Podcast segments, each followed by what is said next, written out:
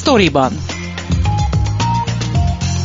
Ez a Szabad Európa podcastja, amelyben a honlapunkon megjelent cikkek hátteréről, kulisszatitkairól beszélgetek a szerzőkkel. Mivel kollégákról van szó, kérem nézzék el nekem, hogy tegeződni fogunk. Én Fazekas Pálma vagyok, tartsanak velem és munkatársaimmal.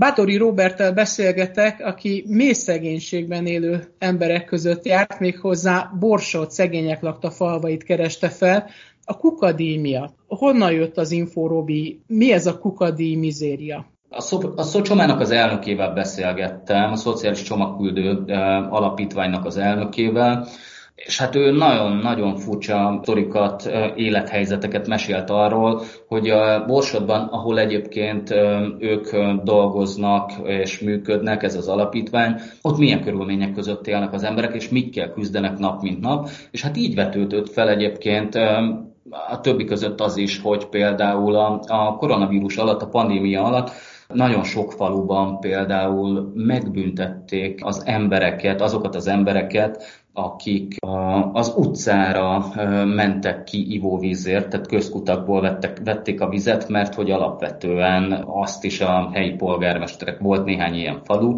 amelyben a polgármesterek azt gondolták, hogy hát a kiárási tilalom alatt mégsem lehet a közkútból vizet venni, mert hát nem menjen ki senki, erről szól a helyi rendelet, de hát akkor ott voltak meglőve ezek a szegény emberek, akiknek ugye nincs bevezetve a, a, a víz a házukba, hogy akkor mégis egyetlen honnan vegyenek vizet. Szóval, hogy ebből alakult ki leszűkítettük a témákat, és akkor mondott egy ilyen elképesztő sztorit, hogy tehát borsót szegény lakta falvaiban, gyakorlatilag a kukák azok eltűnnek, az emberek félve teszik ki a kukájukat, mert hogy többször jártak már úgy, hogy egész egyszerűen, amikor jött a kukásautó, kivitték a kukát, aztán nem is figyeltek a, a kukára, és mire mentek volna érte a ház elé, addigra már hűlt helye volt a kukának. Emiatt gondoltam azt, hogy elmegyek és megnézem, hogy mi ez a mizéria, és hát kiderült az, hogy gyakorlatilag itt arról van szó, hogy hogy ezek a szegény emberek,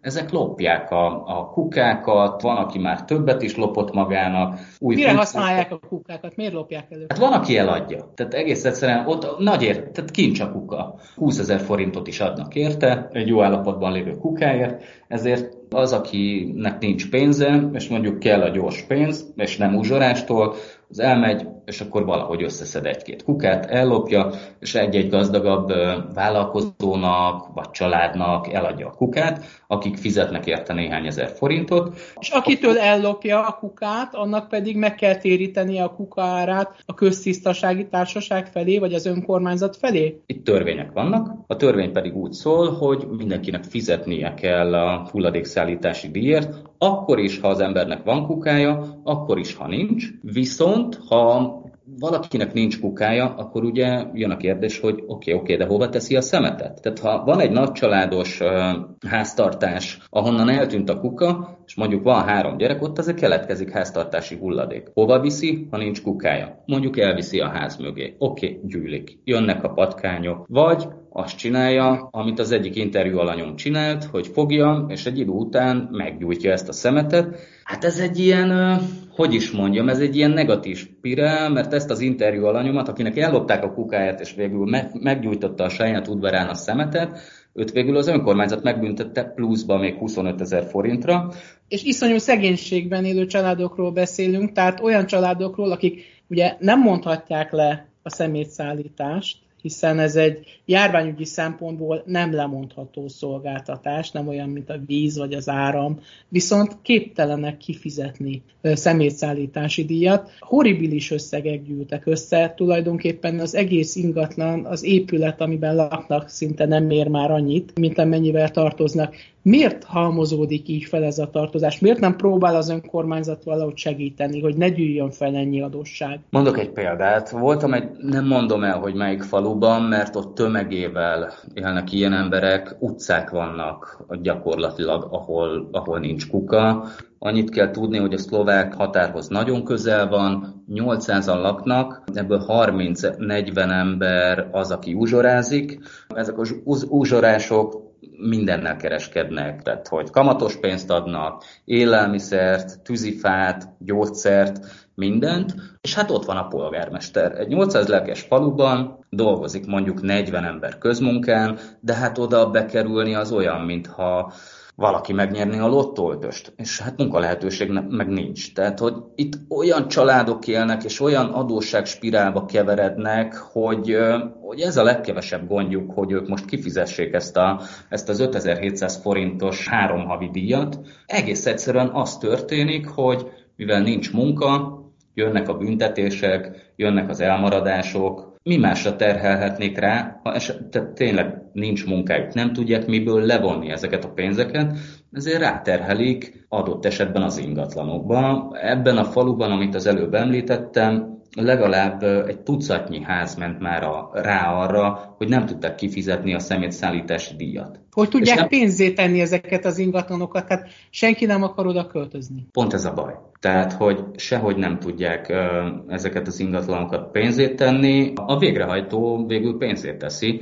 Tehát, hogy ilyen néhány százezer forintos ingatlanokról beszélünk, tehát a kukadi öt év alatt simán elvisz egy ilyen ingatlant. Arról is írsz a cikkedben, hogy az interjú alanyok nevét a kérésükre meg kellett változtatnod, annyira félnek az önkormányzati retorzióktól és a polgármesterek haragjától. Milyen retorzió érheti őket? Nagyon nehéz bejutni közmunkásnak. Lehet ez például az egyik retorzió, hogy nem kapnak közmunkát sem? Ez az egyik fő mozgatórugó, tehát ezekben a falvakban, ha bárki bármilyen negatívumot mond a településről, vagy a helyi viszonyokról, netán a politikai hovatartozásról beszélnek, vagy a helyi politikáról, akkor az, ezek az emberek nagyon könnyen ott találhatják magukat. Az egyik hónapban még közmunkán kerestek nem tudom, 55-56 ezer forintot, ami ezekben a falvakban és ezekben a háztartásokban ez egy bődületes összeg. Tehát nem, nem akarják megkockáztatni azt, hogy egyik napról a másikra ott álljanak csak azért, mert elmondtak nekem valamit,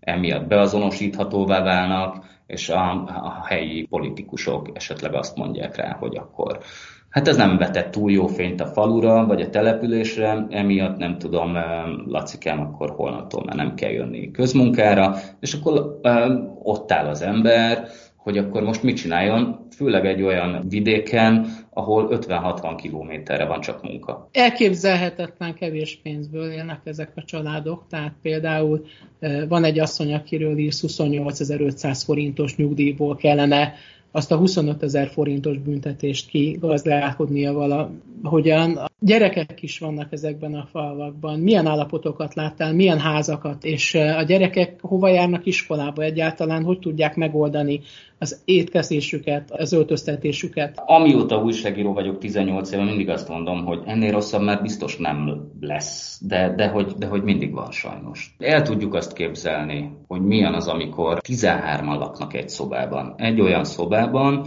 aminek a, a falait kívülről patkányok rágják, egyébként két méterre onnan van egy szemétkupac kint az udvaron, nincs áram, tehát gyertyával világítanak a gyerekek, egyébként a gyertya is nagy kincs, és hát ezek ilyen düledező, fűtetlen biskók. A gyerekek egyébként járnak iskolába. Amikor én ott voltam három héttel ezelőtt, akkor a gyerekek zöme, hát lógott az iskolából, mert elmentek makkot szedni, a helyi erdő az tele volt makkal, és a polgármesternek az egyik barátja, ő jó áron vásárolta fel a makkot, és a gyerekek többsége úgy döntött, hogy Hát ha megkeresnek napi 5-10 ezer forintot ha egy napi munkával, hát az ott óriási pénz, és emiatt ők inkább nem mentek iskolába. Tehát, hogy egy-két hétre ilyenkor azért el, eltünedeznek.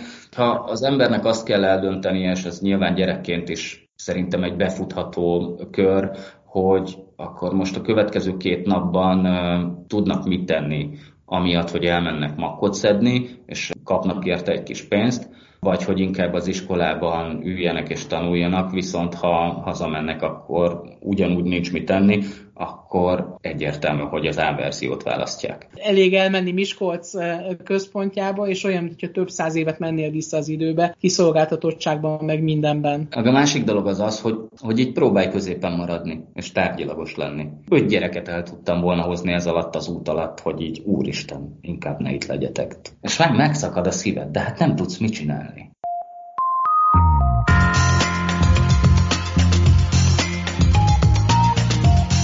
Ez volt a Storyban, a Szabad Európa podcastja, a honlapunkon megjelent cikkek hátteréről, kulisszatitkairól. Én Fazekas Pálma vagyok, köszönöm figyelmüket munkatársaim nevében is.